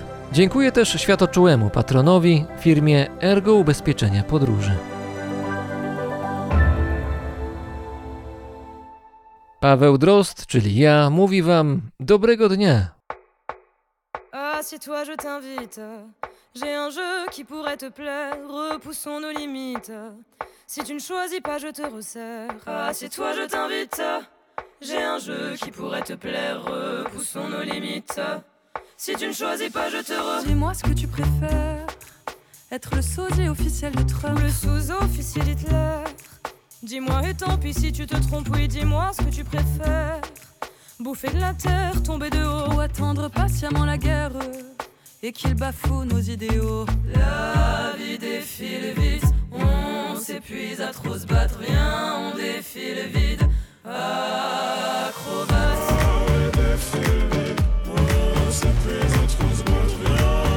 Dis-moi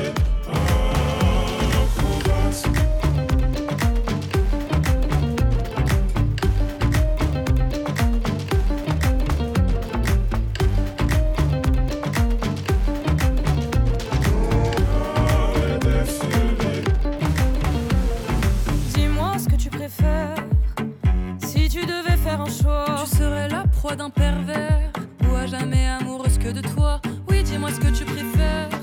Des aventures avec une infidèle. la routine avec une fille ordinaire, sans jamais n'avoir envie d'elle. Dis-moi quitte à tout remettre en cause. Boire pour oublier qu'elle t'oublie dans un verre de rouge, la vie est-elle si rose? T'étais pas avec elle, donc t'étais où samedi?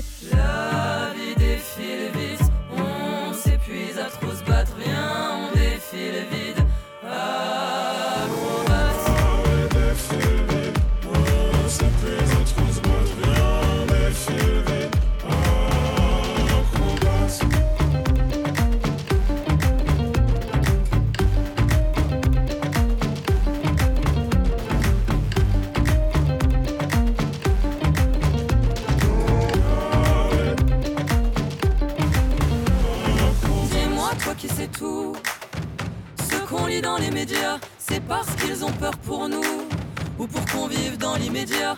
Oui, dis-moi ce que tu préfères.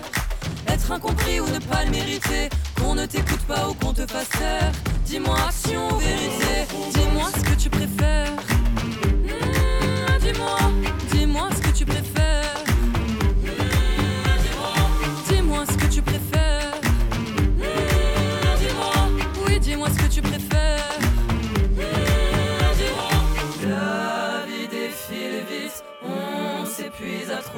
Viens, on défie le vide. Ah.